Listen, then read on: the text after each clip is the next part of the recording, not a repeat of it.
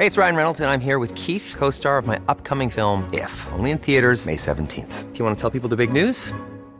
All right, I'll do it. Sign up now and you'll get unlimited for $15 a month in six months of Paramount Plus Essential Plan on us. Mintmobile.com slash switch. Upfront payment of $45 equivalent to $15 per month. Unlimited over 40 gigabytes per month. Face lower speeds. Videos at 480p. Active Mint customers by 531.24 get six months of Paramount Plus Essential Plan. Auto renews after six months. Offer ends May 31st, 2024. Separate Paramount Plus registration required. Terms and conditions apply if rated PG. Ryan Reynolds here from Mint Mobile. With the price of just about everything going up during inflation, we thought we'd bring our prices down. So to help us, we brought in a reverse auctioneer, which is apparently a thing. Mint Mobile unlimited premium wireless. Ready to get 30, 30, bit to get 30, bit to get 20, 20, 20, bit to get 20, 20, bit to get 15, 15, 15, 15 just 15 bucks a month. So, Give it a try at mintmobile.com slash switch. $45 upfront for three months plus taxes and fees. Promote for new customers for limited time. Unlimited more than 40 gigabytes per month. Slows. Full terms at mintmobile.com. Hiring for your small business? If you're not looking for professionals on LinkedIn, you're looking in the wrong place. That's like looking for your car keys in a fish tank. LinkedIn helps you hire professionals you can't find anywhere else, even those who aren't actively searching for a new job but might be open to the perfect role. In a given month, over 70% of LinkedIn users don't even visit other leading job sites. So start looking in the right place. With LinkedIn, you can hire professionals like a professional. Post your free job on linkedin.com slash people today. Och kort därefter, 1945, rusar ett tåg genom stationen som de gör och för med sig en vindpust Nej men vad... Åh, som trycker färskt syre genom gångar och schakt. Och branden längs diket i rulltrappa 4 flammar upp och gör att gaserna och den här smälta takfärgen når sin flampunkt på 600 grader Celsius. Och då uppstår vad man kallar en övertändning. Nej men gud!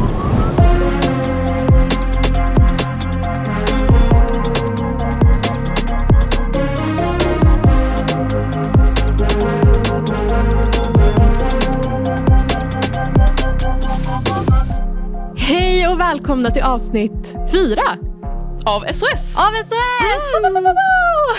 Fortfarande har vi Ferrari, sura hallon i studion. Salthallon, om jag får be. Oh, fan, hade de varit, förlåt. Hade de varit sura så hade jag tyckt om dem. Jag tror att det var så Freudian slip för Ja, det var ha exakt. Jag bara, oh, manifesting. Will she ever bring me the sour stuff? No she won't. Ja.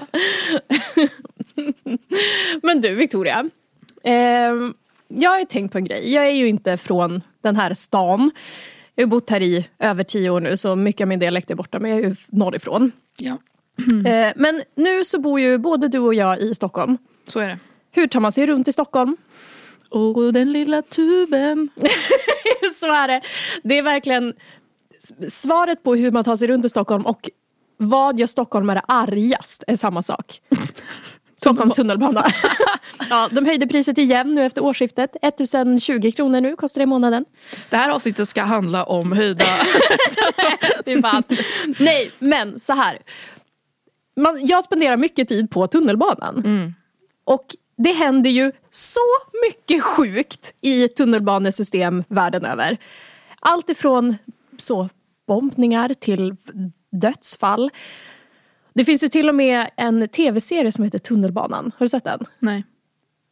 min, eh, en av mina bästa vänner hon älskar, hon lever för den här serien. Och den går ju liksom runt på allt knäppt som händer där nere. Men det var något väldigt osjukt som hände på tunnelbanan för ett par dagar sedan. Som fick mig att tänka på dagens historia. För att det här är liksom, jag har gjort ett, ett poddavsnitt om det här för länge sedan. Men liksom glömt bort att det hände. Men när jag var på tunnelbanan då för, jag tror att det var onsdags och gick av tåget på min station så var det en person framför mig som tände en cigg på väg ut från stationen. Nej men gud. Ja men så i trappan. Och det alltså slungade mig tillbaka till bara just det! Det här sjuka caset som jag läste på om för jättelänge sedan som handlar om den värsta tunnelbanekatastrofen i Londons historia. Nej men åh, också Londons tunnelbana, alltså Stockholms tunnelbana had got nothing Nej, on the fucking underground. Japp. Alltså, jajamän. oh, Ja, det är så långt ner, det är så många tunnlar, de är så alltså well fitted de här tågen Ja. till tunnlarna. Ja. Det är verkligen zzzt, alltså Ja. det är så här exakt No noll extra space. No extra space. Nej. Nothing to get out. Alltså. Som lägenheten i London. Mm. Så jag got reacquainted med det här sjuka caset. Så det ska jag berätta för dig om idag. Mm. Vad ska du eh, prata om idag? Eller vill du börja eller ska jag börja? Ehm, jag tänker att du kan börja. Ja, men då dundrar jag vidare här som tåget då. Fy. Okej, vi ska alltså förflytta oss till London och till Kings Cross Station. Åh. Den här enorma stationen. Den är byggd i viktoriansk stil. Eh, stil. Ja, byggdes för tågtrafik 1852. Jättegammalt, jättevackert. Och är en av de första liksom, tunnelbanestationerna i London. Ikoniskt. Det är en av de viktigaste knutpunkterna i London med flera tunnelbanelinjer och cirka 250 000 resenärer per dag. Ikoniskt. Men mest ikoniskt av allt, Kings Cross är ju alltså stationen från Harry Potter. Ja. Ja, den här magiska nine and three quarters som man tar tåget till Hogwarts från, den finns där. Japp. Wow. Förutom att trivia, ehm, i, Älskar dina trivia. i Kör. filmen, alltså Det vises sten och de andra filmerna, så de här valven som Mm. de springer igenom, de finns ju inte på Kings Cross. Det är inte en Kings Cross grej. De spelas in på typ så Manchester tågstation. Okej. Jättebluffigt. Jag Ja, hoppas att jag säger verkligen. rätt nu så att Men inte gud, det var som i... Jag tror också att... Okej, det där är din typ av trivia. Min typ av trivia, du vet Fergie? Den How come every time you come around my London, London bridge when I... Jaha. Jag har hört, jag har inte kollat upp det här, för jag trodde inte att vi skulle prata om det här idag. Men eh, jag har hört att det inte är London Bridge som är med i musikvideon, det är en annan bro. Fuck. Tower Bridge. Tower Bridge säkert är mycket snyggare. London samma, Bridge is falling down. eh, samma, samma eh, grej. I alla fall. Till London är bara en massa bluff och båg. Ja, verkligen lurendrejeri. Men vi har alltså en plats som är historiskt signifikant, dagligen väldigt välanvänd och högst närvarande i populärkultur. Ikoniskt ställe. Det är också tyvärr platsen för den värsta tunnelbanekatastrofen i Londons historia. Och jag förstår typ varför jag har tvångsglömt det här caset, för det är så sjukt. Men när jag nu inför idag ville så fräscha upp minnet och googlade Kings Cross tunnelbanestation för jag tänkte att det här kommer komma upp direkt. Nej, nämns inte någonstans på hela första sidan. Alltså så random trafikinfo och eh, Harry Potter trivia kommer långt innan. Så idag ska vi dyka ner i vad som faktiskt hände på Kings Cross när 30 personer dog där. Låt oss måla en scen. Det är London i slutet av 80-talet. Kings Cross är väldigt stort. Massor av människor som rör sig åt alla håll så det är så hög bumlig ljudvolym, högt i tak med de här ikoniska välvda glastaken. Jag älskar dem, de är så fina. Man hör konstant tåg som åker i de här tajta, runda tunnlarna. Då och då hörs den här karaktäristiska rösten som säger “mind the gap” när tågdörrarna öppnas. Och under den värsta rusningstiden kan det vara extremt svårt att få plats om man behöver vänta liksom ett, två eller tre tåg för att ens kunna komma hem för det är så mycket folk där. Dessutom är stationsområdet här en labyrint. Precis som du var inne på. Det är gångar, det är schakt, det är tunnlar. Och de här fem tunnelbanelinjerna som eh, går härifrån, Northern, Piccadilly, Victoria Metropolitan och Circle Lines, ligger under mark i olika nivåer. För som en del av en ständigt växande världsstad har stationen byggts ut efterhand med nya gångar och nya trappor och nya tunnlar. Så man kan ju ana att det inte är den enklaste platsen att kontrollera ifall en krissituation uppstår. Vilket Nej. vi snart ska förstå utsträckningen av. Under 80-talet så gör Storbritannien hårda besparingar. Och det påverkar ju det mesta som folk behöver, de här hårda besparingarna. Däribland kollektivtrafiken. Mer specifikt liksom sett till just det vi ska prata om idag, underhållet av rulltrapporna. Och de hade behövt det. För redan 1932 installeras den här nya uppfinningen rulltrappor på Kings Cross. Och eftersom de här tidiga modellerna är byggda av metall och trä Oj. Ja. Monteras ett sprinklersystem på båda sidorna längs med undersidan, hela det här maskineriet. Men det räcker inte till överhuvudtaget. Faktum är att under åren fram till 1980-talet, från att de här installerades, rulltrapporna, så inträffar småbränder och rökutveckling hela 400 gånger i Londons tunnelbana. Och runt 10 procent av dem beror på att tändstickor eller fimpar faller ner mellan rulltrappornas trappsteg. Och Det var alltså det här som triggade igång det här minnet för mig när jag var i tunnelbanan och han tände ciggen i trappen. Ja. Och redan här alltså, börjar man ju ana oråd. Alltså det låter ju extremt obra. Men också spri att sprinklersystem låter som det fjuttigaste man har hört. Alltså, varför, varför var de tvungna att döpa det till sprinkler? Varför kunde de inte döpa det till så? Tsunami-system? Ja, alltså, ho- hose down that hose system. Ja. verkligen. Det låter ju ej bra och faktiskt 1984 på en annan tunnelbanestation som heter Oxford Circus börjar det brinna i en tunnel och nästan 100 personer blir rökskadade. Och då känner man från liksom the higher ups att okej, det blev inte katastrof men det är liksom dags att göra något åt det här. Så snart förbjuds rökning på tåg och stationer för att minimera den här risken för bränder.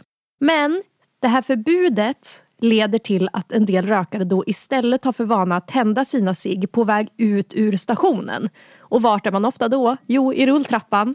Gjord av trä och metall. Ja. Och den här förändringen i beteende blir viktig i kombo med hur dåligt underhållna rulltrapporna på Kings Cross är. Är de alltså fortfarande gjorda av trä vid det här laget? Trä och metall. Det är så sprängt att jag vet inte. Ja. Och flera decennier av att de här stackars rulltrapporna har liksom grindat iväg. Dag ut, dag in. Det har nött och slitit på de här metallpiggarna som hindrar skräp från att fastna mellan trappstegen. Och mindre föremål kan lätt ramla ner. Mindre föremål som cigg och tändstickor. Mm.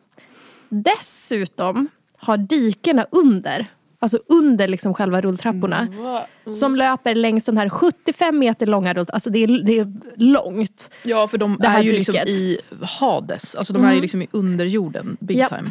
Det har inte rensats på hur länge som helst. Här tänker man liksom att så här, du vet That's the equivalent av att inte rensa köksfläkten hemma. Ja, Och så tar man- gånger en miljard. Exakt, och ja. man tänker att så London Underground borde ha sin shit together tillräckligt för verkligen. att öppna upp där ibland. Ja, ta en sop. Nej, men, och ett av, eh, ett, en av de här rulltrapporna som man upptäcker massa glapp i är rulltrappa 4 som går upp från Piccadilly Line, ett av de nedre spåren på stationen. Varför är det alltid fyra? Det är alltid fyra. Det är, all, det är rulltrappa Förlåt, fyra. blev du konspirationsteoretiker Det, är- det är reaktor fyra i Tjernobyl. Varför är det alltid fyra? Jag tror att du måste ha några fler exempel för att hävda alltid fyra. Okej, jag kommer tillbaka med Ja. fler fyror nästa Nä, vecka. nästa avsnitt, fler fyror. Mm. Nej, men så under den här rulltrappan, då, rulltrappa 4, så ligger det ju därför mängder av skräp och fett ansamlat. Och för varje varv, ja det här är så äckligt, för varje varv som rulltrappan går runt trycker den ihop Nej. allt till en liksom Nej, kladdig, längre. oljig massa. En nästan 800 kilo tung massa av smörjfett, damm, hår, Nej. smuts, skräp. Ja, gåshud på benen. Ja. Så, det är liksom situationen här. Vi förflyttar oss till den 18 november 1987. Klockan är strax innan halv åtta på kvällen. I rulltrappa 4 tänder en resenär en cigarr. Den rulltrappan då med alla upptäckta glapp. Toppen. Och en brinnande tändsticka faller ner genom ett glapp i steg 48. Varför är det alltid 48? Nej jag skojar. Det börjar då glöda i den här enorma, kladdiga, oljiga skräpsamlingen under trappan. Och snart fattar den eld.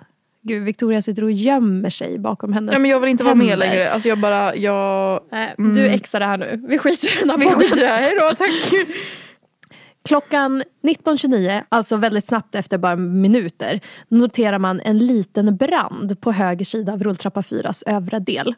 Den här mannen som noterar det här han rapporterar till biljettkontoret som ringer hem till ansvariga chefen som heter Christopher Hayes. En biljettkontrollant hör det här samtalet och ger sig ner i rulltrappan där han hittar lite så brinnande flagor som far omkring. Ah, han tar en hoprullad tidning och så poff poff släcker det. Sen åker han upp och sätter sig i biljettkuren igen. Och för alltså, det låter ju sinnessjukt att vara så chill men det är inte så konstigt för vi får inte glömma att småbränder i stationen var, var liksom relativt vanligt ändå. Och dessutom, det här är också så sjukt, så finns det ett annat möjligt skäl till att han tar det så chill. De som jobbar för tunnelbanan har nämligen fått instruktioner av ledningen att inte prata om brand. Mm, utan, utan istället använda uttryck som smoldering. Som ja, men på svenska betyder ungefär pyr. För det ska inte oroa resenärer i onödan. Och de får endast av samma anledning då inte oroa resenärer i onödan. De får endast tillkalla brandkår ifall en brand är helt utom kontroll. Man bara, då är det för sent! För Ja, lite, sent! Lite så. Ja. så. Och den här ledningen för liksom London Underground och för King- Kings Cross, de anser att mindre bränder är liksom en helt naturlig del av stationsmiljön. Man bara, Så man fattar ju vart den här blasé-attityden kommer ifrån. den ihoprullade tidningsattityden. Ja, Ja. exakt. Och sen liksom åka upp och sätta sig igen. Det, det här känns så otryggt. Ja, alltså, det låter som en sån naturdokumentär som bara ah, bränder är vanligt förekommande på savannen. Det återställer den naturliga cykeln av livet. Man bara but not in the underground bitch. Nej, alltså, nej. Oh. Minuten senare så ser en annan person så lite rök och glöd långt upp i samma rulltrappa. Så han trycker då på den stora röda nödstoppknappen. Bra! Och ropar neråt i, rulltrappan att folk ska sluta använda trappan. Så många går då över till mitten eller vänstertrappan. Men ingen verkar riktigt fatta att det är en brand som utlöst nödstoppet. Mhm. Så att han stoppar rulltrappan tillfälligt men det är inte tydligt för folk varför det hände utan det är så, ah, jag tar väl den här istället. Typ. Okej. Samtidigt som det här händer, att det så börjar vara lite smolderings här och där, ehm, är det resenärer överallt på stationen. För runt så klockan halv åtta, det är perfekt tid för de som har slutat jobbet, gjort lite shopping och nu ska hem. Men det är i alla fall inte mitt i rusningstrafik. Det är mycket folk men det är inte liksom, det är inte Peak hour. Exakt, det är inte peak hour. Också samtidigt som det här händer så har en trafikpolis som heter Terry Bebbington, förlåt mig Det är det mest brittiska jag har hört. Ja, Alltså, jag vet. Det låter som, Bebbington. eh, det låter som vad heter den här björnen? ja, Paddington. Ja, exakt. ja. Terry Bebbington har kallats till Kings Cross för att ta hand om några stökiga resenärer. Så Terry står i stationens trafikrum där med liksom alla tv-skärmar och kam- där kamerorna går och letar efter dem via de här övervakningskamerorna. Och på en monitor så ser han en man trycka på nödstoppet för rulltrappa 4. Den situationen som jag just beskrev. Som polis har Terry Bebbington inte fått samma strikta förhållningsregler om att dölja mindre bränder som tunnelbanans personal har fått. Halleluja! Alltså, toppen! Love that for him. Så han åker ju direkt ner för att undersöka. Ja. Jätterimligt. Terry känner då att det luktar rök och är ovanligt varmt. Och Oh han förstår ju att det här måste vara en större brand någonstans under den långa rulltrappan. Så han åker upp igen och ringer till Kings Cross polisstation och ber dem kontakta Londons brandförsvar. Heja! Toppenbra! Men tyvärr också ganska för sent. För medans allt det här har liksom pågått, så tidningsrullar och sånt, har branden fortsatt att utvecklas nere i diket under rulltrappan. Och eftersom lågorna hålls inne av alltså själva trappstegen i rulltrappan så blir det som ett slags lock över elden så den syns ju inte. Nej men gud vad obehagligt. Åh. Så elden brinner ostört längs den här kladdiga massan av fett och skräp som i den här situationen liksom funkar som en veke. Sinnessjukt. Och konstruktionen i den här gamla rulltrappan är ju då gjord av bland annat plywood. Och det här träet är struket med tjocka lager båtfernissa. Ja, perfekt. Ja. Båtfernissa, jag vet inte vad det är men det låter lätt antändligt. Ja, men Alltså, båtfernissa är en så oljebaserad vätska som man Ja. stryker på träytor för att skydda dem, göra dem blanka och så vidare. Den här fernissan, gamla gamla fernissan, upphettas långsamt och når efter en stund 300-400 grader Celsius. Just. Och vid den här extremt höga temperaturen börjar det frigöras giftiga brandgaser Men gud. som sakta liksom sprider sig ut. Och en gas, alltså det går ju inte att stoppa, det tar sig ju igenom allt. Ja. Så, giftiga gaser, nu löser vi det här va? Nej. 1935 kommer den här uppringda stationschefen Christopher Hayes. Eh, du vet, Ja. ja, när den här lilla branden upptäcktes, ha- han ringdes in. Ja, han kommer nu, 1935, till Kings Cross via ett eh, tåg som tar sig till rulltrappa 4s nedre maskinrum. Han går in där och varken ser eller känner lukten av någon brand och åker upp till biljetthallen igen. Helvete. Men vi försöker igen. 1936, en minut senare, så får Londons brandförsvar samtalet från Kings Cross polisstation, det som Terry Bebbington ringde in om. Den närmsta brandstationen ligger bara en och en halv kilometer bort, jättenära. Men de brandmännen är redan ute på ett annat uppdrag. Så det blir istället stationerna i närliggande Clerkenwell och Soho som får kämpa sig igenom den täta Londontrafiken. För det är ju som vi sa, liksom perfect hour för folk som har jobbat, gjort lite shopping och nu liksom ska hem och käka middag. Alltså, Ja. ja. Och nu har branden pågått under rulltrappan i 13 minuter. Och inte en droppe vatten har hällts över den. Inte en. Vad händer med sprinkler? Nej, men, verkligen, vad hände med Ska inte sprinklern? den utlösas automatiskt så fort den känner någon rök? Det är en jättebra fråga. Jag vet inte vad som hände med sprinklern. Får återkomma med det.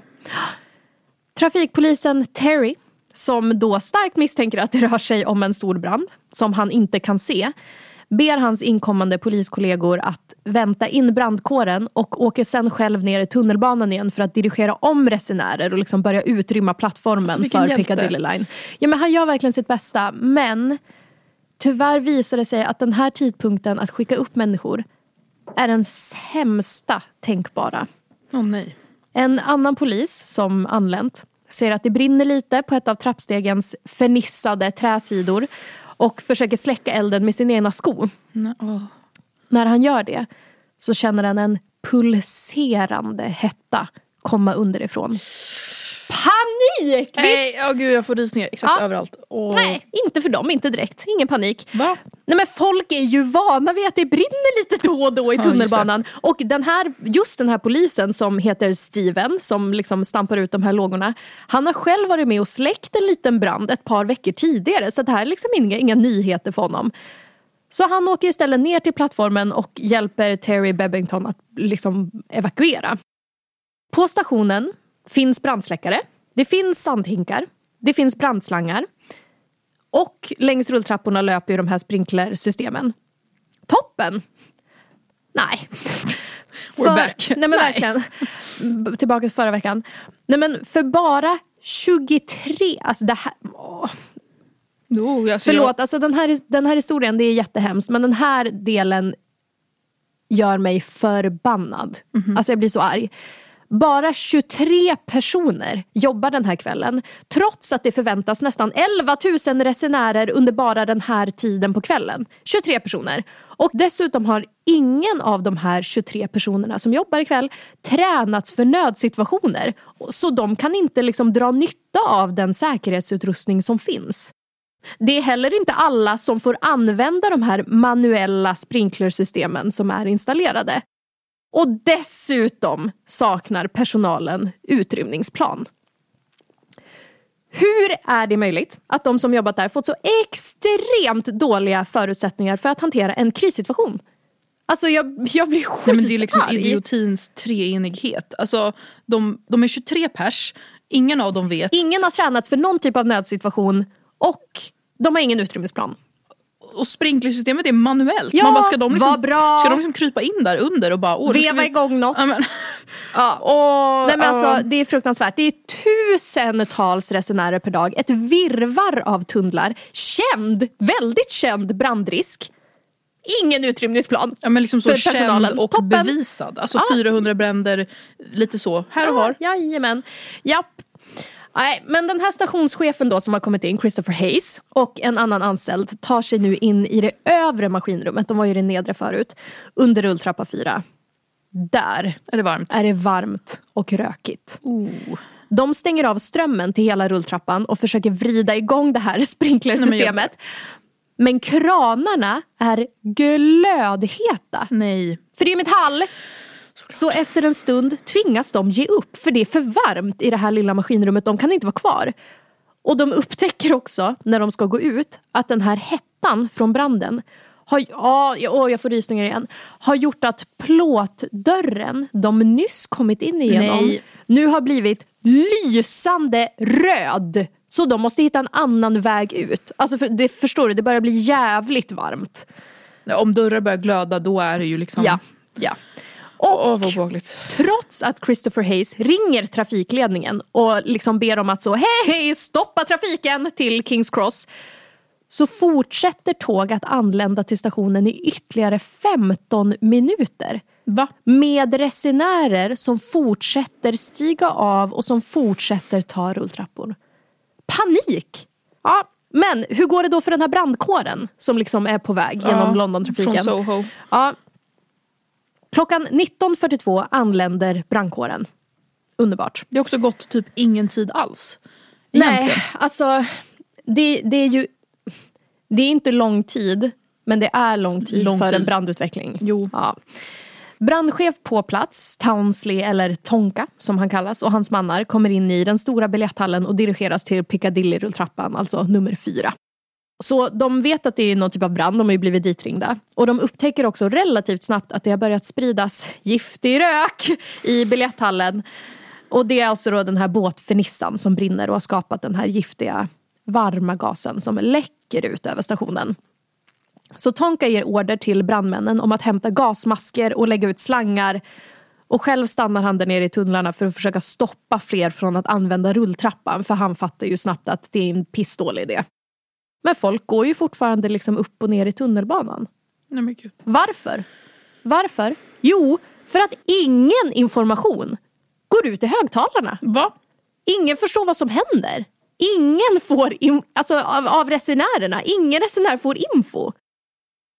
Och vad Tonka inte vet än, han förstår ju att så här, ah, det är någon typ av brand, jag har blivit hitringd. Mm, det han inte vet är att hela undersidan av rulltrappa 4 brinner. Nej. Och att både trappschakt och den övre biljetthallen fylls med den här upphettade rök-brandgasblandningen från den här brinnande båtfernissan. I så dryga 15 minuter Nej. har det pågått. Mm. Och det här blir ett problem av en annan anledning också. Och det här, det här är det värsta. Tunneltaken är täckta av åratals lager med färg. Nej men gud. Och de här heta gaserna har värmt upp takfärgen. För de, alltså gasen åker ju uppåt. Värmer upp takfärgen som långsamt börjar smälta. Nej. Och bilda glödheta droppar som faller mot golvet. Alltså fy fan. Mot resenärerna. Ja.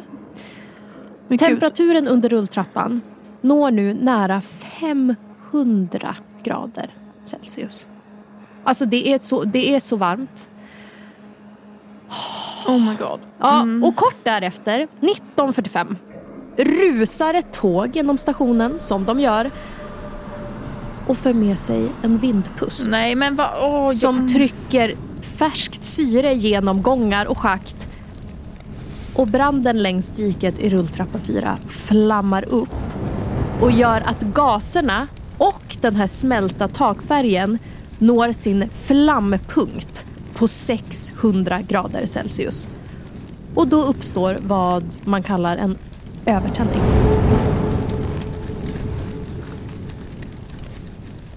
Allt Precis allt antänds i rulltrappa 4 och en enorm eldkula liksom slungas iväg uppåt.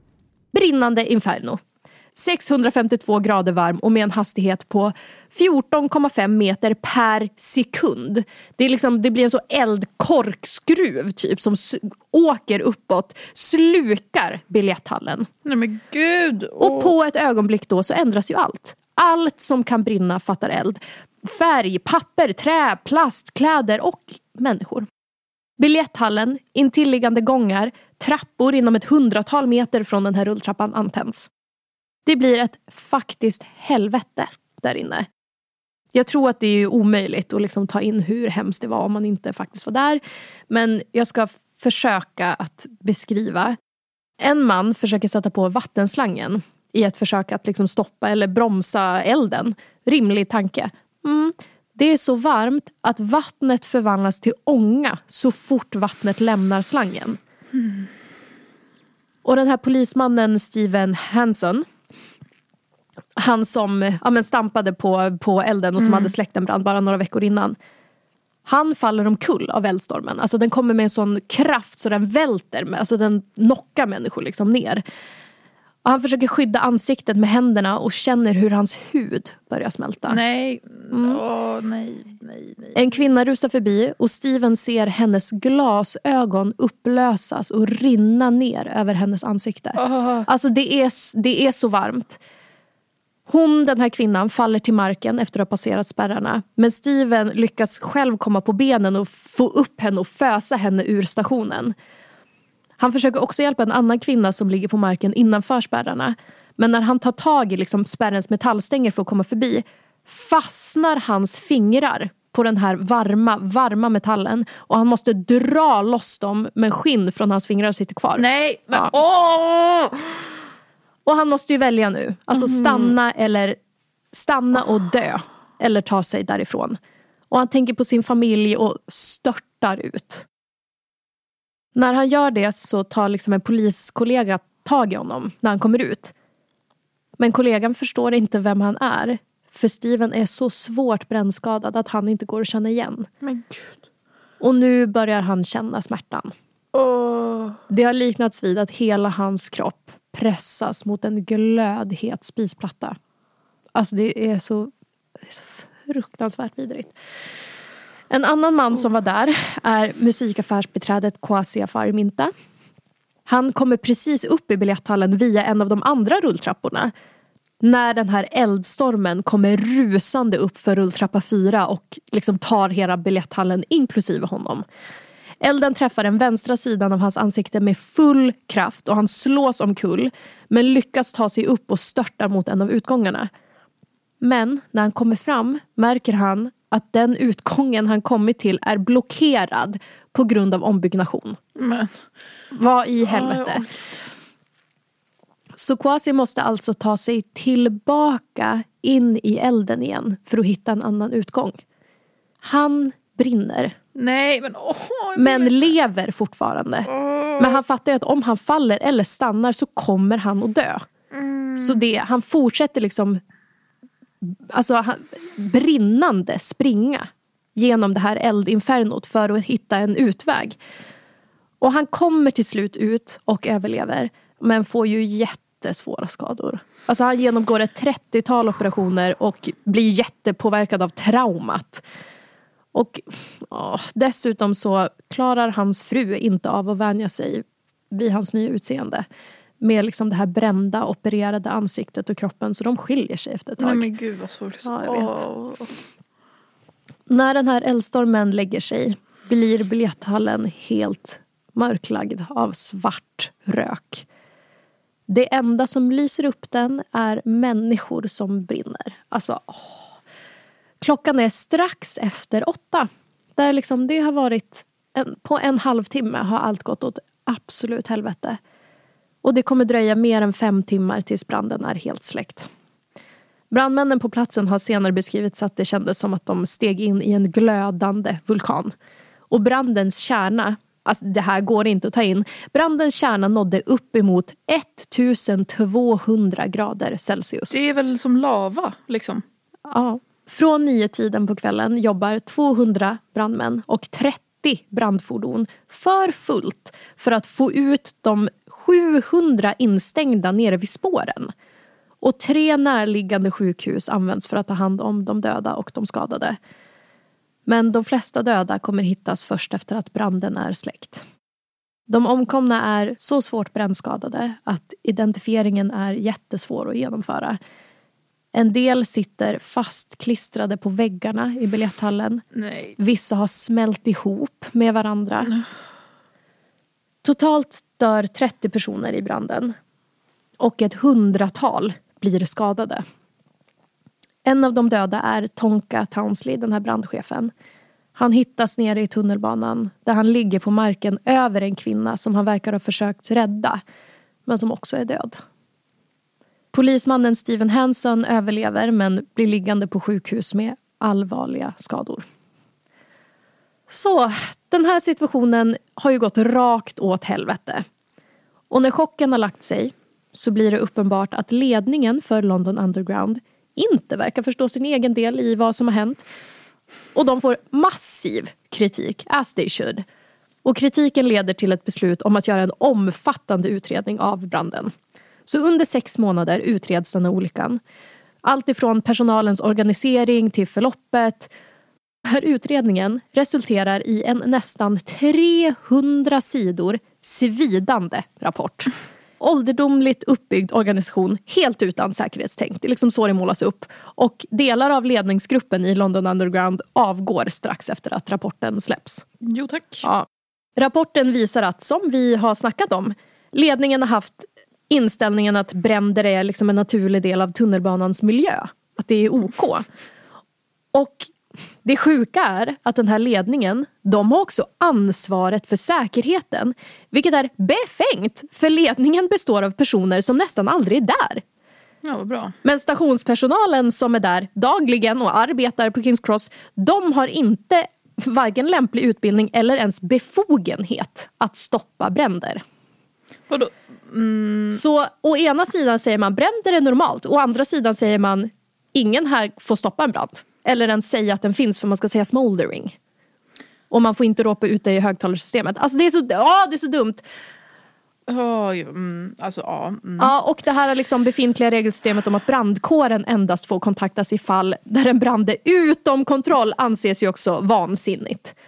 Och regeln för att varningar inte får ropas ut i högtalare för att inte skrämma resenärer i onödan. Och att en regelrätt brand inte får kallas vad det är utan så smoldering. Men alltså, I den här rapporten så blir det ju called out för vad det är. Vansinne. Det tragiska är också att undersökningar av brandförloppet visar att branden till en början bara rörde sig inom en radie på några meter. Den höll sig där under en så längre tid i ett brandförlopp, vilket inte är jättelång tid, men innan den tog fart med hjälp av syretillförseln från tunnlarna. De här tågen som åkte Hade förbi de bara liksom stoppat pushade in. trafiken? Ja, och stationschefen ringde ju in, men det tog en kvart innan liksom tågen slutade. Ja, den här branden hade utan någon större svårighet gått att släcka relativt snabbt med hjälp av utrustningen som fanns på plats. De här sprinklersystemen som faktiskt fanns, sandhinkarna, vad fanns det mer? Brandsläckare. Mm, men det hände ju inte. Så den här rapporten föreslår 157 åtgärder. Jävlar. Ja, och alla implementeras. Rökning förbjuds inom hela stationsområdet. Alla Londons trärulltrappor byts ut. Fucking finally. Alltså hur, hur var de kvar ens? Rökdetektorer, sprinklersystem och ett helt nytt kommunikationssystem installeras. Personalen får brandutbildning. Alltså, förlåt. När jag så har jobbat i klädbutik, alltså alla har brandutbildning. Ja. Hej, du ska jobba extra här fem timmar i månaden. Här är brandutbildning. Ja. Alltså, det är så grundläggande. Och dessutom så får London Underground en helt ny tjänst. Säkerhetschef! Wow. Något man inte har haft tidigare. What the fuck? Ja. Dessutom en så liten PS eh, för att jag har redan pratat länge nog. Men den här branden ledde också till förändringar inom Londons brandförsvar som fick nya skyddskläder. När det här hände så hade de alltså ylletröja, Va? galonbyxor, läderstövlar och gummihandskar. Ej flamsäkert! Vilket var ju en katastrof för de som jobbar med eld. Ja, men efter det här så ersattes brandförsvarets kläder med plagg gjorda helt i flamsäkra material. Det- jag har inte ens någonting att säga, jag har bara ont i pannan för att jag sitter och liksom spänner mig. Ja, du alltså, nyper vid näsroten. åh. Ja, nej men så det var alltså ålderdomliga rulltrappor och ålderdomlig säkerhetsutrustning i kombination med en riskbenägen ledning och ogenomtänkta besparingar på underhållet som låg bakom den här olyckan som blev den värsta tunnelbanekatastrofen i Londons historia. Ja, alltså, fy fan. Det är någonting med galonbyxorna och ylletröjorna som... som mm. Ja. Ja, alltså I det här formatet, vi djupdyker, vi djupdyker ju mycket men vissa, vissa liksom delar måste man lämna. Men jag vill ändå nämna det lite snabbt för det var ju ett haveri. Men Man tänker också att så brandkåren som yrke Ja. eller brandman som yrke Ja. har, ska ha funnits tillräckligt länge för att man ska fatta att man inte ska ha på sig yllekläder. Galonbyxor som, Som smälter. smälter. Ja. som, Ja. Det var mitt bidrag för dagen. Typ lika vidrigt som förra veckan så jag ber om ursäkt. Jag får välja något mer, lite mer lighthearted nästa vecka. Hey, it's Ryan Reynolds, and I'm here with Keith, co star of my upcoming film, If, only in theaters, May 17th. Do you want to tell people the big news?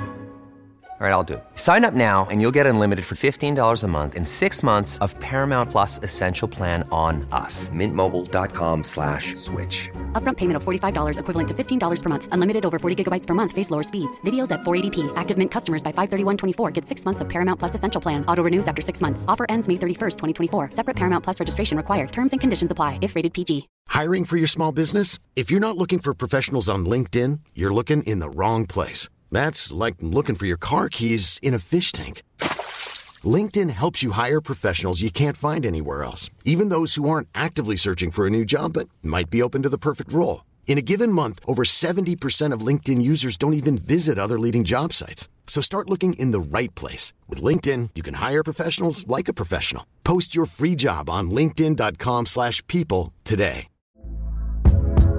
Hey there, it's Michelle Norris. I'm host of a podcast called Your Mama's Kitchen. When I travel, I'm usually looking for a way to find a taste of home when I'm not at home. And one of the things I love to do when I am at home is entertain. And Airbnb allows me to do that. When I was in California recently, I rented a house that had a great kitchen. And when we were sitting around the table, we're all thinking, we're in someone else's house. Someone could be in all of our homes as well. If you have a home, but you're not always at home, you have an Airbnb. Your home might be worth more than you think. Find out how much at airbnb.com/slash host. ja, och om du pratar om liksom enorma massor av slemmig gegga Ja, titt som tätt. exakt det. Det är ändå jag liksom om faktiskt. sirapskatastrof, 8,7 miljoner liter. Ja. Det här 800 kilo fett Smetveken. smetvek. Ja. Så har jag också min type. Galna män. Jag är tillbaks. Does she have a I både Yes privatliv och arbetsliv. Alltså, I'm back on my crazy karismatiska män bullshit. Eh, och min första Jag anteckning... höll på att säga love that for you men I hate that for you. Vi får se vad du tycker efter dagens berättelse. Vi har en del förödande ting att ta oss igenom. Ja. Utöver då. Men gud jag blir nervös nu. Så låt mig genast börja. Ja. Okej, jag har ett snabbt popkulturellt quiz. Vilken stad föddes Beyoncé i? Houston. Houston, Texas, Texas. baby! Och det gjorde dagens huvudperson också. David Koresh. Och ungefär där tar likheterna med Beyoncé slut. Eh, 1959 föds Vernon Wayne Howell. Och det ska ta en stund innan han blir David Koresh. Så att jag tänker kalla honom Oj för, okej det är samma, i samma dude. samma dude. Ja. Jag tänker kalla honom för Vernon då. Jag tänker bara på Harry Potters pappa. Eller hans adoptivpappa. Hette inte han Vernon? Uncle Vernon, jo Ja. såklart. Vad bra, då fick vi en Harry Potter i båda historierna. Eh, nej men vi ska börja snacka om Vernon för att han var ett ganska vanligt eh, barn. Under sin uppväxt så spenderar han dock ganska mycket, alltså han spenderar ganska mycket tid med sina morföräldrar istället för sina föräldrar. För att hans mamma Bonnie Sue, är inte också det mest amerikanska Jo. 50-talsnamnet du har hört? Sue. Bonnie Sue. Eh, och hans pappa heter också Bobby Wayne. Alltså, Nej, men- Det är Bobby Wayne och Bonnie Sue. Jävlar. Hans mamma Bonnie Sue fick i alla fall Vernon när hon var 14 år gammal. Ehm, och farsan, to no one's surprise, lämnade henne innan sonen ens var född. Bra. Ehm, så han får bo hos morföräldrarna. Ja. Eh, och han är väl en ganska cute kid. Han gillar att hänga i trädgården som en liten Ferdinand, sitter under träd och bara... Du, du, du. Men. Ehm, tycker om att bygga saker, tycker om att spela på sin gitarr, han är ganska musikalisk. Men gud, han låter ju underbar. Ja, springer ner till sjön för att fiska när han får tråkigt. Och till skillnad från Jim Jones som var min första karismatiska Ja. galning som jag berättade om. Eh, så har han liksom inte riktigt anammat några så här, läskiga tendenser än. Du vet, han begraver inte roadkill och läser inte så Hitler som åttaåring. Utan han är... Det är ju positivt. Exakt. Ja. Love, lovely. Love that for him. Men han beskriver sin barndom som ganska ensam. Eh, och när Vernon är sju år gammal så får mamman, som nu då är 21, eh, hon träffar en ny man som hon gifter sig med, eh, som hon också får barn med. Så att Vernon får en, ett eh, lilla syskon. Eh, och de bestämmer att Vernon ska bo med dem. Så att han flyttar från sina morföräldrar till den här nya familjen då. Vilket kanske inte är den bästa idén för att den nya pappan visar sig vara en evil stepdad som är Nej. väldigt elak mot Vernon. Eh, och på det här så har han väldigt tufft i skolan också. Han har grav dyslexi. ehm, som gör att allting bara smälter samman på sidan. Så att han har väldigt svårt att plugga. Folk kallar honom efterbliven. Han har glasögon på sig så att han blir liksom retad för det. Och han lyckas aldrig gå ut skolan eh, med liksom fullständiga betyg. Någonting han däremot är sjukt bra på att plugga är Bibeln. För att i allt det här mörkret så hittar han Gud. Och blir en class A, inte bitch, utan bible student. Ehm, I tonåren går han med i någonting som kallas för sjundedagsadventisterna. Say that five times fast. Och vänta. Sjundedagsadventisterna, sjundedagsadventisterna, sjundedagsadventisterna, sjundedagsadventisterna, sjundedagsadventisterna. Wow! Okej, så nu när vi alla har fått en stroke så kan vi Men det här blir inte heller riktigt som han har tänkt. Ehm, som, som jag sa, han är ju liksom en top bible student. Så han kan citera alltså, hela sidor i väldigt, väldigt ung ålder. Och han kan komplicerad Och han är teologi. säkert jättebra på att komma ihåg eftersom att han inte är jättebra på att läsa. Så när han väl har tagit sig igenom det, alltså, man gör mer av en effort att så, jag ska minnas vad som står här nu. Exakt. Eh, och i och med att han är så grym och kan allt det här så börjar han helt enkelt ifrågasätta predikarna, alltså pastorerna som redan finns. Vilket de tycker är skitstörigt. Alltså, Ja, män i maktpositioner brukar ju generellt inte gilla att bli ifrågasatta. av yngre små... Liksom. Nej, Nej. exakt. Kvinnor eller barn. Nej. ehm, så han, han börjar liksom starta egna grupper med bibelstudier. Han blir lite av en rebell. Han predikar från predikstolen utan tillåtelse. Eh, och Oj. liksom Ändå iconic. tar över lite grann i den här uh, adventistkyrkan. Och den här konflikten eller friktionen mellan adventistkyrkan och vår unge Vernon växer sig bara större och större ju längre tiden går. Och till sist, de vill inte ha någonting med varandra att göra. Alltså de är så trötta på varandra. Eh, och han lämnar dem. För att han tycker att de suger, de tycker att han är skitjobbig. Hej då. Ja. Och det är nu han får höra talas om Waco. Eller snarare den religiösa gruppen, läs sekt, läs allting kommer gå utför väldigt snart. Och nu när vi alla har läst klart så kan jag äntligen säga vad namnet på den här gruppen är. Davidianerna heter de. Det är alltså de som håller till utanför den här lilla staden Waco i Texas. På en gård som heter Mount Carmel. Han åker i alla fall till Mount Carmel sommaren 1981 då han är 22 år gammal. Och området runt den här gården är Classes Texas landsbygd. Eh, i gassande sol, gulbruna åkerfält så långt ögat kan se. Platt, platt, platt. Och namnet då, det här fina Mount Carmel, har medlemmarna själva gett den. Det är liksom ingen så Hemnet-annons, alltså Mount Carmel, en pärla på den texanska landsbygden. Utan det kommer från Karmelberget Ah, ja, ja. som ligger strax väster om den israeliska staden Nasaret. Yes. Och 22-åriga Vernon som är en grade A Bible kid tycker det här är toppen. Han tycker det är underbart, han har hittat hem. Han känner sig väldigt kopplad till Jesus nämligen. Vernon flyttar till gården ganska snart efter sitt första besök. Det är tidigt 80-tal, han är i tidig 20-årsåldern. Och bara ett par år innan eh, Vernon kommer dit så har the OG guy, alltså sektens ledare och främste profet, dött. Och den enda riktigt högt uppsatta personen som finns kvar är den här döde profetens fru. Som mer och mer börjar träda in i någon sorts ledarroll för den här gruppen. Och ganska snabbt tar hon på sig profethatten. Kvinnan heter alltså Lois Roden. Alltså Superman Lo- Lois. Ja. Ja. Ska jag visa en bild på henne? Ja. Ni får gå in och titta på vår Instagram. Vad ser du? Oj. Ehm, jag ser en äldre kvinna, hög panna, stora glajer. Ler med så lite galet uttryck i ögonen. Vad kan hon vara? Liksom sena 60s? Hon är 65. Ja. En grandma liksom. Och du vet hur man säger att folk börjar likna personer de dejtar. ja. Eller så kanske, ja. Jag ska nu visa en bild på Vernon. Nej, men, okej. Det är hög panna, det är stora solglasögon och det är lockigt hår precis som på förebilden. Ja. Creepy. ja. Lois Roden är... Men ja, han var ganska stilig. Ja men som alla de Som här, alla de här galna, karismatiska Han har ju männen. liksom en rockstar-aura. Alltså han skulle lika gärna kunna vara trummis Ja, i något band. Liksom. Verkligen. Mm. Men den här Lois, hon är ju som du sa late 60s, alltså hon är 65, hon är en grandma i princip. Hade kunnat vara Vernons grandma. Det struntar de i. De. Va? som det heter, fattar tycke för varandra. Nej, men, oj, oj, oj! Japp. Eh, framförallt älskar hon hans extrema kunskap om Bibeln. Alltså hon har ett 40 det år... brukar jag också tycka är jävligt sexigt. Classic, classic green flag.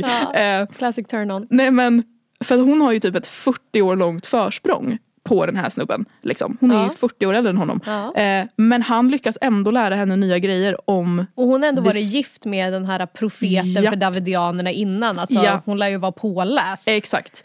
Nej, så kommer den här nya pojken liksom och Mm. Och takes her by storm. Exakt. Ehm, de blir tillsammans. Det är som Beyoncé-låten School in life. Who needs a degree when you're school in life? Alltså, Queen Bee references just keep on coming. Nej men de blir tillsammans och liksom skaffar sig en kärleksrelation. Eh, och Vernon får för De sig, skaffar sig. de skaffar sig. Eh, det är inte det enda de försöker skaffa sig. Va? För att Vernon får för sig att de måste, bara måste producera ett heligt barn. Men hon är 65. Det är Guds plan Evelina. Men klimakteriet. Det är Guds plan. Men hon har ingen mens mer. Alltså, äggen finns ej. Förutom att hon blir gravid. Va? Hon är 65 år gammal. Förlåt? Japp. Vernon säger att hon ska bära det här barnet med hjälp av sin starka tro på Gud. Okej. Problemet bara är att hon är 65 år gammal så att hon får missfall. Nej, Vernon, vad hemskt. här går han från grade A, här går han från class A Bible kid till class A bitch. Ja, det är nu det händer. Det är nu det händer. Han tycker alltså att det här är ett tydligt tecken. Hennes tro på Gud är inte tillräckligt stark. Men, åh herregud. Och det här är Guds sätt att straffa henne.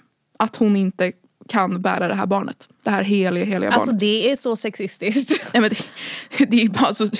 ja, all hans infatuation Ja. är som bortblåst. Man bara, du blev kär i en grandma. Ja, men hon kan omöjligt vara profeten på grund av det här. Hon kan, hon kan inte vara profeten för att hennes tro på Gud är inte tillräckligt starkt för att hon fick missfall. Och det här med att så, Gud har skapat människan och därför ens biologi och det är att bara chansen att bli gravid när man är 65 är försvinnande liten. Det Nej. tas liksom inte i någon typ av beaktning. Nej. Nej. Toppen. Så att hon kan inte vara profeten och istället måste det vara drumroll, please. Han själv! Självklart! vem annars? Vem annars? Om det inte är den här gamla tanten som jag har knullat, då är det jag. Ja. Ah. Och med det här missfallet som argument så lyckas han alltså få över alla gruppens medlemmar på sin sida. Men förlåt, hon har gått igenom ett trauma och han med hjälp av det traumat liksom får folk att överge henne. Ja, han genomför liksom någon sorts statskupp light här. Alltså, titta här, här är en svag profet, kom till mig istället. Men fy fan vad hemskt. Och 1990 Han har alltså varit på gården i nio år nu ungefär. Ja. Lämnar vi lilla Vernon Wayne Howell bakom oss och istället träder David Koresh fram. Förlåt men jag älskar det efternamnet. Koresh. Ja, då ska jag berätta lite, lite snabbt om det här namnet. David är alltså den judiska frälsaren David, aka Israels andra kung. Superviktig person i Bibeln. Koresh kommer från den persiska erövraren Kyros den store som fritog det judiska folket från fångenskap i Babylon. Okej. Han har alltså döpt sig själv till frälsare upphöjt till två i princip. Ja, ja. Han är mega Rimligt. savior.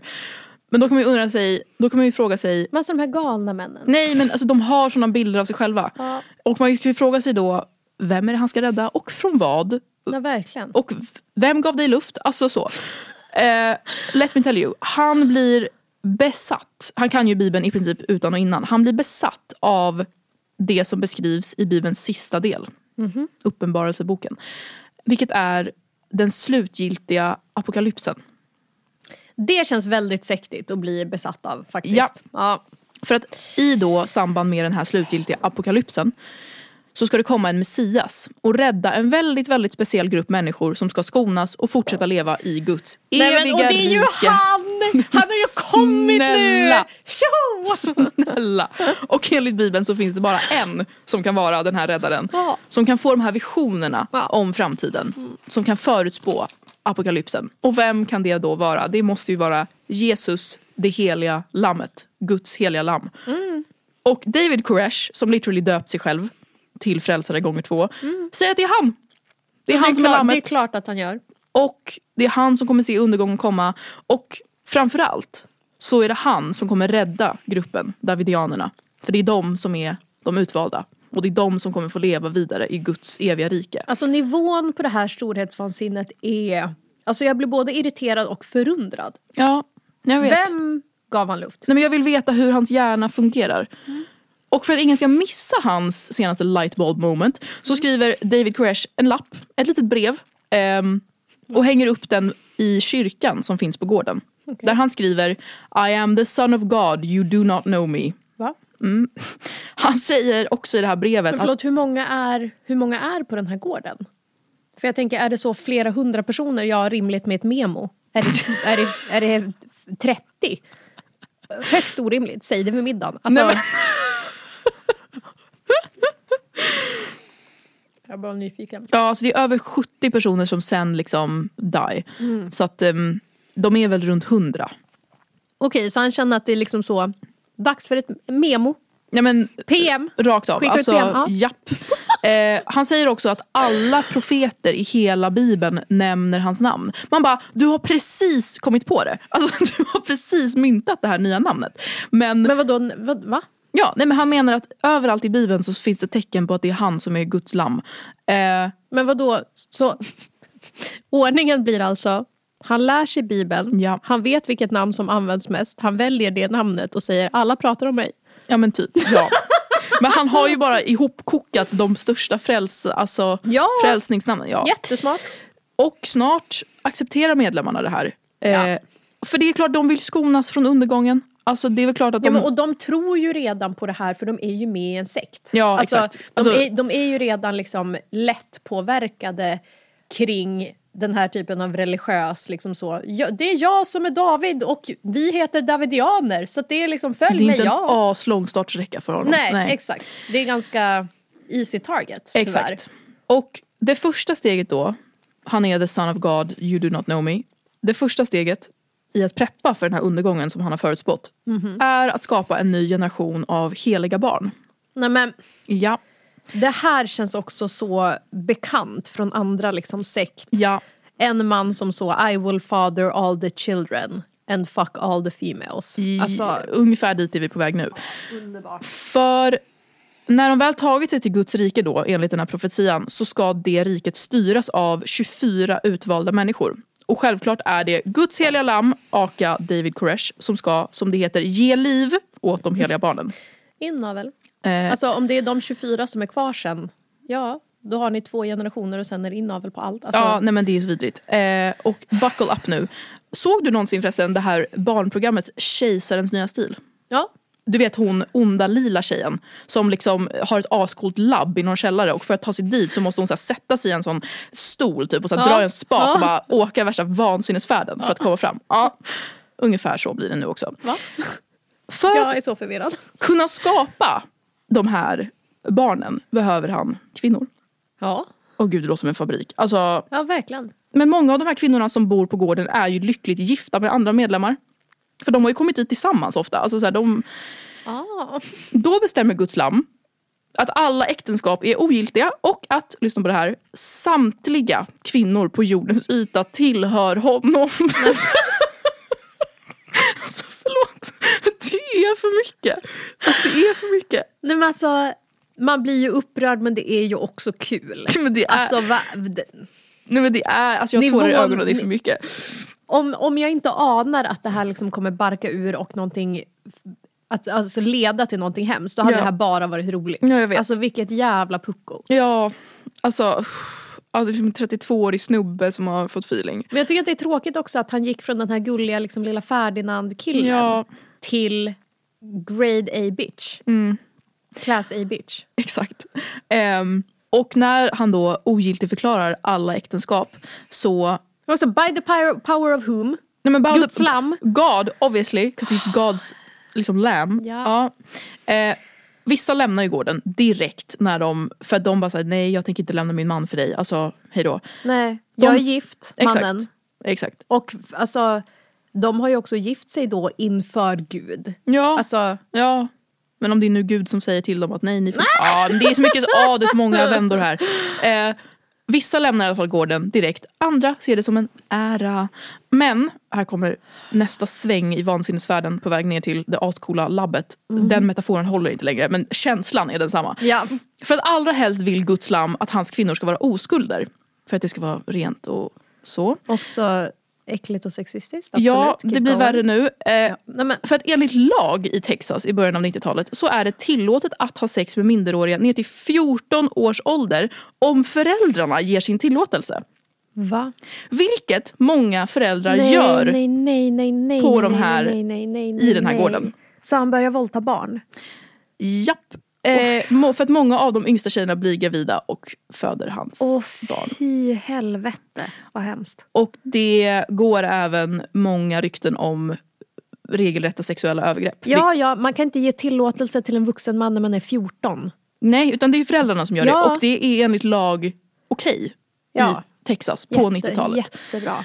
På 90-talet också. Man bara, det är inte... Nej, det är liksom en kvart sedan. Alltså det är fruktansvärt. Eh, men nu i alla fall då är de heliga, heliga barnen på väg och Guds lam kan fokusera på andra saker. Till exempel som att preppa för undergången. För att han förutspår i sina profetior att apokalypsen kommer ha någonting att göra med den amerikanska polisen. Såklart. Och han förutspår att Davidianerna, hans religiösa grupp alltså, kommer få utstå förföljelse och dö som martyrer. Men alltså det här börjar bli så obehagligt. Han är ju, han är ju galen. Ja.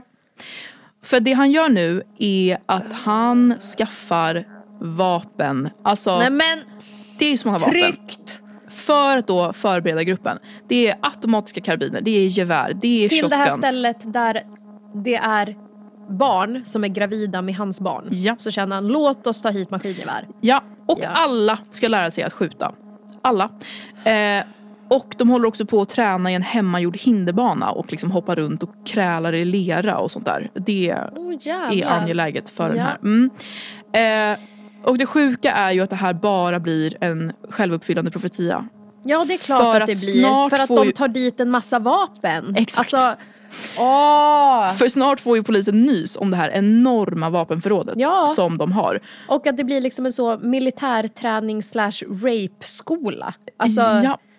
Och för att en till grej som de gör som är högst olagligt är att de omvandlar halv till helautomatiska vapen.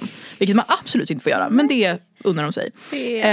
Dig. så att polisen sätter då span på gården, de skickar in en undercover agent, hela köret. Eh, Såklart. Ja, och efter liksom tid av undersökning och planering så bestämmer de sig för att de ska slå till mot gården och gripa Guds heliga lamm eh, i en hemlig räd. God's son you do not know me. Ja. Och den sista februari 1993, det är alltså tio år efter att David Koresh blivit Guds heliga lamm Ja. på gården ska polisen slå till. Morgonen den 28 februari, det är tidigt på morgonen, alltså klockan är innan sex, så åker över 70 amerikanska federala poliser ihopträngda i boskapstrucks liksom. Ah, så att in, de inte ska synas. Ja, mot Mount Carmel. Åh jävlar. De kallar uppdraget internt för Operation Trojansk häst. Och vad är liksom syftet? Att frita de här sektmedlemmarna? Liksom, vad vill de göra? De ska gripa David Koresh. Alltså för att Koresh, han ja. är ju galen och Ja, håller på med ja. olaglig aktivitet. Och de ska liksom ja, alltså likvidera gården. Alltså Ja. den får inte, ja, du sa ju själv, alltså vapen och rape-skola. Det är Ja. ju det som händer. Ja. Inför den här operationen så blir media på något sätt tipsade om vad som ska hända. Oj. Vilket never is a good thing. Nej, om ni lyssnade på inte. förra veckans avsnitt så vet ni vad vi tycker om det. En journalist som är på väg till platsen åker vilse och frågar en förbipasserande bil om vägen. Nej. Det han inte vet Nej, nej, nej. är att personen i bilen är en av sektmedlemmarna Såklart. som Jävla rackar vägen och åker hem och varnar samtliga medlemmar om att polisen är på väg. Åh fy fan vad dumt. Åh fy fan vad dumt. Och polisen har ju en undercover-agent i sekten fortfarande. Som nu direkt varnar polisen om att Ah, everybody de, knows. de vet att ni kommer. Exakt. Trojansk häst, den är, det är den är ingen inte trojansk, längre. det är bara en häst Ja. och den håller på att dö. Alltså, ja, mm, Det är liksom zeb zebra. Alltså, Vi ser den. Antilop Ja. at best. Åh Alltså, herregud. mm. polisen vet att operation trojansk häst inte går att genomföra om sekten vet att de kommer. Hela poängen bygger på att de ska vara Ja, taken by element surprise. of surprise. Exakt. Ja, för att de har skitmycket vapen. Ja. Och barn. Ja. Men ledningen, cheferna, tycker annorlunda. Åh, alltså vad är grejen med ledningar som ha, inte har ett säkerhetstänk? Nej, för de säger Varför är det liksom en genomgående grej världen över? hela tiden. Tryggt. Nej, men för de säger åk till Mount Carmel ändå. Kör ändå. Ja. Ja. Ändra planen så här i elfte timmen. ja. Ja. En av poliserna som kommer till platsen, eller som sitter i den här boskapsbilen, är Keith Constantino. Otroligt namn. Eh, och precis som sina kollegor har han följande outfit på sig. Så att vi får en bild av hur de här över 70 poliserna ser ut. Alltså en djupblå uniform, skottsäker väst, skyddsglasögon, hjälm och skarpladdat automatvapen. De är kittade. De är så otroligt redo. Men på gården är det helt stilla. Guds lam har sagt till sina medlemmar att gå till sina rum. Han ska prata med polisen själv. Ja. Blir inte riktigt så. Eh, vid sex på morgonen kommer de här boskapstrucksen fram till gården. Och polisen väller ut ur transporterna. Och börjar skjuta direkt i princip direkt. Alltså de gömmer sig bakom bilar som står på gården och börjar liksom. Och de, för de måste ju också ha lite panik för de vet, de vet att sekten vet. Exakt. Och de vet att sekten vet och att sekten har fett mycket vapen. Ja. Och David Koresh och hans medlemmar har ju övat på exakt det här. De har så många vapen. Ja, precis, för han förutspådde att det här skulle hända. Ja, de börjar skjuta tillbaka. Och gården blir ett slagfält. Polismannen Keith och hans gäng, Keith Constantino, får i uppgift att ta sig in i huset. För deras, alltså, hela poängen är ju att ta ledaren och alltså, disarm och liksom plocka Ja. isär hela den här grejen. De lutar stegar mot väggen och klättrar upp, krossar fönster med en kofot och tar sig in. Liksom. Ja. Och överallt inne i huset ligger trasiga möbler och betongdamm för att allt är ju sönderskjutet. Oj jävlar. Och helt plötsligt står han där, Nej men, Guds heliga lamm. ja. Ah. David Koresh står alltså mitt framför polismannen Keith som lyckas skjuta honom i höften. Okej. Och movie moment. Medan David Koresh faller till marken, för han håller ju såklart också ett skarpladdat automatvapen. Så avfyrar han en massa skott tillbaka. Liksom på Keith och poliskollegorna. Ehm, Keith lyckas hoppa ut genom ett fönster eh, och Oj. tar skydd. Och han landar asdåligt på hård cement. Nej. Men överlever. Och de andra poliserna måste också liksom springa och ta sig ut eh, ur huset. Okej, så de fick in ett skott på David innan de var tvungna att liksom dra. Exakt. Ja. Ehm, efter två timmar av mer eller mindre konstant skottlossning inser polisen att man måste upphöra med det här för att det är kaos. Poliser har dött. Sektmedlemmar har dött. David Crash ligger där inne och blöder ur liksom det här såret i höften. Allt är sönderskjutet.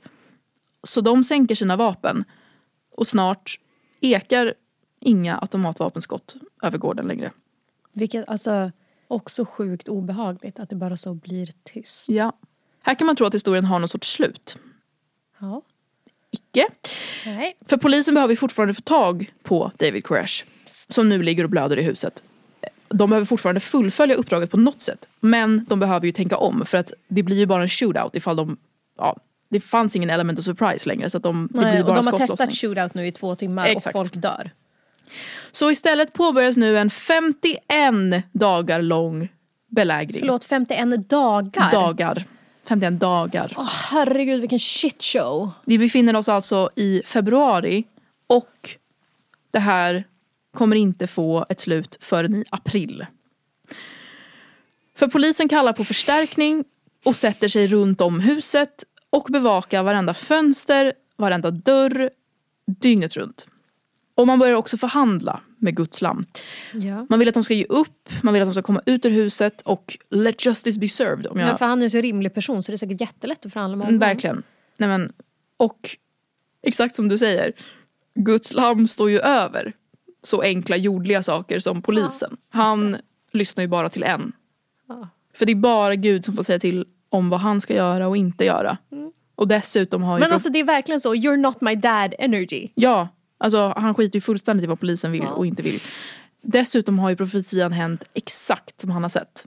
Ja Det men, ja men såklart, det är inte en profetia, det är ju liksom en... är en plan. Blir Alltså- du en krimin kriminell grupp kommer polisen. Alltså, Ja. För det här är ju apokalypsen enligt honom. Och det går alltså 51 dagar och under de här dagarna så försöker polisen desperat verkligen att få ut medlemmarna ur huset med olika metoder. De riktar starka strålkastare mot fönstren under nätterna för att liksom försöka skapa så att de aldrig obehag. får sova. Och, Exakt. Ja. Det här är ännu vidare. De spelar upp ljudet av kaniner som slaktas högt i högtalare utanför. Vilket jag har inte Oj. lyssnat på det här ljudet men jag antar att det är Hemskt. vidrigt. Ja. Men det är ju alltså tortyrmetoder. Ja, ja. exakt. Ingenting funkar. Bra. Eh, och poliser börjar nu bli gravt desperata. Och det här är ändå trots att David Koresh har varit, han har varit lite tillmötesgående på några punkter. Mhm. Till exempel har han låtit alla barn som inte är hans egna få lämna huset. Och Ja, för han behöver ju sina egna för de ska ju bli de 24 utvalda. I Guds rike, exakt. Ehm, dessutom får de vuxna medlemmarna lämna om de vill. Eh, vilket typ ingen vill, de flesta är kvar. Eh, men de egna barnen, alltså de som, precis som du säger, ska styra Guds rike när allt det här är över, vägrar David Koresh att släppa ifrån sig. Det är också så jävla tragiskt att han målar upp det här som apokalypsen för allt. Men det är liksom bara en tragisk shootout i Av- av his own making. USA. Ja, verkligen. making, ja. Så att nu polisen, de har ju liksom testat våldsam shootout i två timmar. De har testat att stå och belägra i 51 dagar. Nu måste de testa en ny metod. Morgonen den 19 april 1993 vaknar David Koresh och hans medlemmar av att hela huset skakar. De tror först att det är en jordbävning. Men inser snart vad det är som har hänt. På gården utanför står nämligen en pansarvagn och längst fram på vagnen sticker en lång arm ut som har körts rakt in i husfasaden. Och den här armen det är inte bara en vanlig så grej. Det är en tårgaskanon. ja. Och det pyser högt, alltså smoldering. Eh, och den här enorma kanonen släpper ut stickande gas i hela huset. Och på andra ställen där det liksom har skjutits och genom fönster och allt sånt där så kastas det in hundratals gasbomber. Oh jävlar, de ska alltså... Alltså de ska försöka få ut dem ur Ja. huset. De flesta av medlemmarna lyckas få på sig gasmasker. Eh, Ja, för det har de ju såklart. Ja, Exakt, för de är ju preppers. Ehm, men gasen är inte deras största problem Nähä. längre. För att strax efter den här gasattacken med den här enorma pansarvagnsarmen så syns det vit rök från ett annat hörn av huset. Och det blåser väldigt mycket den här dagen. Och genom det här enorma hålet som pansarvagnen har skapat så kommer det in mängder med syre. Som nu matar en liten, liten eld som börjat brinna. Trodde vi var klara med elden för idag. Nej. Och inom några minuter är hela byggnaden en enda gigantisk brasa. Ja, För övertänt. Ja, Yes, yes. som vi nu vet vad det är. Och inne i huset befinner sig nu David Koresh, hans 24 barn, de flesta av hans fruar, 'cause he has many, och ytterligare cirka 50 medlemmar i sekten. Men gud, det är mycket folk. Ja, det är mycket folk. Huset är ju enormt. Polisen skriker när de ser att det börjar brinna. Polisen skriker i radion och ber medlemmarna... Så det är inte polisen som har startat branden? det är det här vi inte vet. Okej. För att de har ju bara satt in den här, deras plan var ju att få ut dem med den här gasen. Ja. För att gasen ska inte vara dödlig, det är tårgas. Alltså Ja. det är ju skitskadlig men de ska ju inte gasa ihjäl dem liksom. Nej. Så polisen skriker i radion och ber medlemmarna att fly ut ur huset med barnen. Så blir det inte. Mm. Va? För att bara några få medlemmar lyckas ta sig ut. Och de är redan gravt brännskadade. Alltså kläderna har smält, skinnet har Men smält. fy Ja, fan. vi är liksom tillbaka på Kings Cross. Ja. Och resten av de 80 medlemmarna brinner inne i huset. För är, att de inte vill lämna eller för att de inte kan ta sig ut? Det vet det, man nog, inte. det vet man inte. Jag tror att det kanske är en kombination av två saker. Att de liksom Mm. De kanske inte vill lämna så pass länge att det blir för sent sen att lämna. Mm. Ehm, för det, det lätt antänds ju för att det är så mycket gas i huset. Så att när den här Just lilla det, ja. elden får den här vindpusten då bara... Ja. Jajamän. Ja, det, var, det är exakt som Kings Cross. Ja. Gasen fattar eld. Ja. Ja. Och i det här huset då finns även de här 24 barnen. Ja. Och vissa av dem är bara några år gamla. Men för det, alltså det var det jag tänkte om...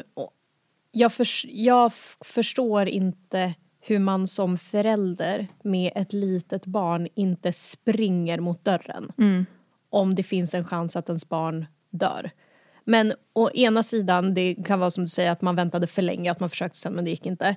Och å andra sidan, jag har heller aldrig varit en sektmedlem. Alltså jag kan inte Nej. tänka mig in i det. För han är ju också där och skriker väl förmodligen och säger att det här är det vi har övat för, det här är det vi har väntat säkerligen, på. säkerligen. Ni kommer överleva i Guds rike. Alltså han säger ju att hela världen håller på att gå under. De vet ju inte att det här bara är en tragisk händelse i Nej, södra det USA. bara är deras hus. Exakt. exakt. Och man vet fortfarande inte om det är David Koresh, alltså Guds lam, som själv har anlagt den här branden. Eh, för att uppfylla profetian och ta med sig barnen till Guds eviga rike. Eller om det var så att branden liksom uppstod av sig själv för att den här lättantändliga gasen var överallt i huset. Men där tar i alla fall historien om Waco-massakern slut. Ja, efter först en otroligt dödlig shootout till en 51 dagar lång belägring med amerikansk federalpolis och till slut den här pansarvagnen och den massiva branden så går sekten under där. Hur många dog? Alltså det står lite, det finns lite olika information eh, om hur många det är exakt som dör men siffran ligger någonstans mellan 70 och 80 eh, Det är så mycket. och inklusive de här barnen då. Eh, och sektledaren David Koresh hittas död med ett skotthål i huvudet. Så han har väl liksom, Han tog the easy way. ja. Vilken jävla äckel. Alltså, ja. Så, Så, så, så barnen får brinna. ja, Men han får en kula i huvudet. ja. Förmodligen sin egen. Alltså, Nej, men är vi klara med det här snart? Alltså är vi klara med de här vidriga männen? Jag, jag vet inte varför jag återkommer Nej, till dem det är hela du tiden. som dras till ja, jag dem. vet, det är jag som väljer dem och du väljer kladdiga massor av Ja. liksom, skit. Ja. Vad bra. Okej, så regel för nästa veckas avsnitt. Jag får inte prata om någon typ av massa. Nej. Och du får inte prata om någon typ av man. Nej. Nej. Fy fan vilket avsnitt. Ja. Alltså för Waco-massakern har jag ju hört om innan. Men inte liksom i den här detaljen. Det är mycket... Det var mycket värre än vad jag hade tänkt att det var. ja. Fruktansvärt. Men just när det är barn som far illa, it hits different. Men just när det är en sekt också så känns det som att de Det är som att de aldrig hade något val typ för att Nej. det är en sån liten, ja nej jag vet inte. Det blir en sån litet ekosystem av det här är hela världen och nu när det brinner här så brinner det överallt och därför finns det ingen poäng i att fortsätta leva på något annat sätt. Nej. Okej, så vi har haft bränder gånger två, Messiasnamn gånger två. Beyoncé-referenser gånger fyra. Verkligen. Och två stycken massiva tragedier. Ja. Och jag undrar ju lite så här, ni som lyssnar, hade ni hört om de här grejerna innan? För att på vårt första avsnitt så var det många som skrev och bara det var ingen, Jag har aldrig hört om sirapskatastrofen förut. Och liksom, är, vad, vilka case är mer eller mindre bekanta för er? Hade ni hört om branden? För att tydligen så om man googlar Kings Cross så kommer den ju inte ens upp. Liksom, Nej, på, Inte på första sidan. Nej. Ehm, och Waco kanske folk har hört om men precis som du Evelina så kanske man inte har hört om liksom, alla Nej. Crazy details om våran Nej, det var frälsare. många twist and turns där Ja. som jag inte hade en aning om. Så skriv till oss och eh, berätta. Vad, vad är nytt? Vad visste ni redan? Ni kanske är experter på det här. Ja verkligen, är det något, någon jättespännande detalj som bara fan ni missade det här, jag önskar att ni hade skrivit det. Vi Ja. vill jättegärna veta. Och har ni tips eller förslag på specifika katastrofer ni vill höra om? Let us know. Ja, verkligen. Vi vill verkligen göra det här tillsammans med er, det är då det blir som allra roligast. 100%. Okej, that was it för den här veckan. Nu ska vi äta salta hallon för allis. Och, eh, Jag ska göra det och Victoria ska titta på mitt dömande. och så hörs vi nästa vecka. Det gör vi. Och PS, alla bilder och grejer som vi har snackat om från dagens avsnitt finns på vår Instagram, SOS-podden. Kram på er, hej hej! Hej då!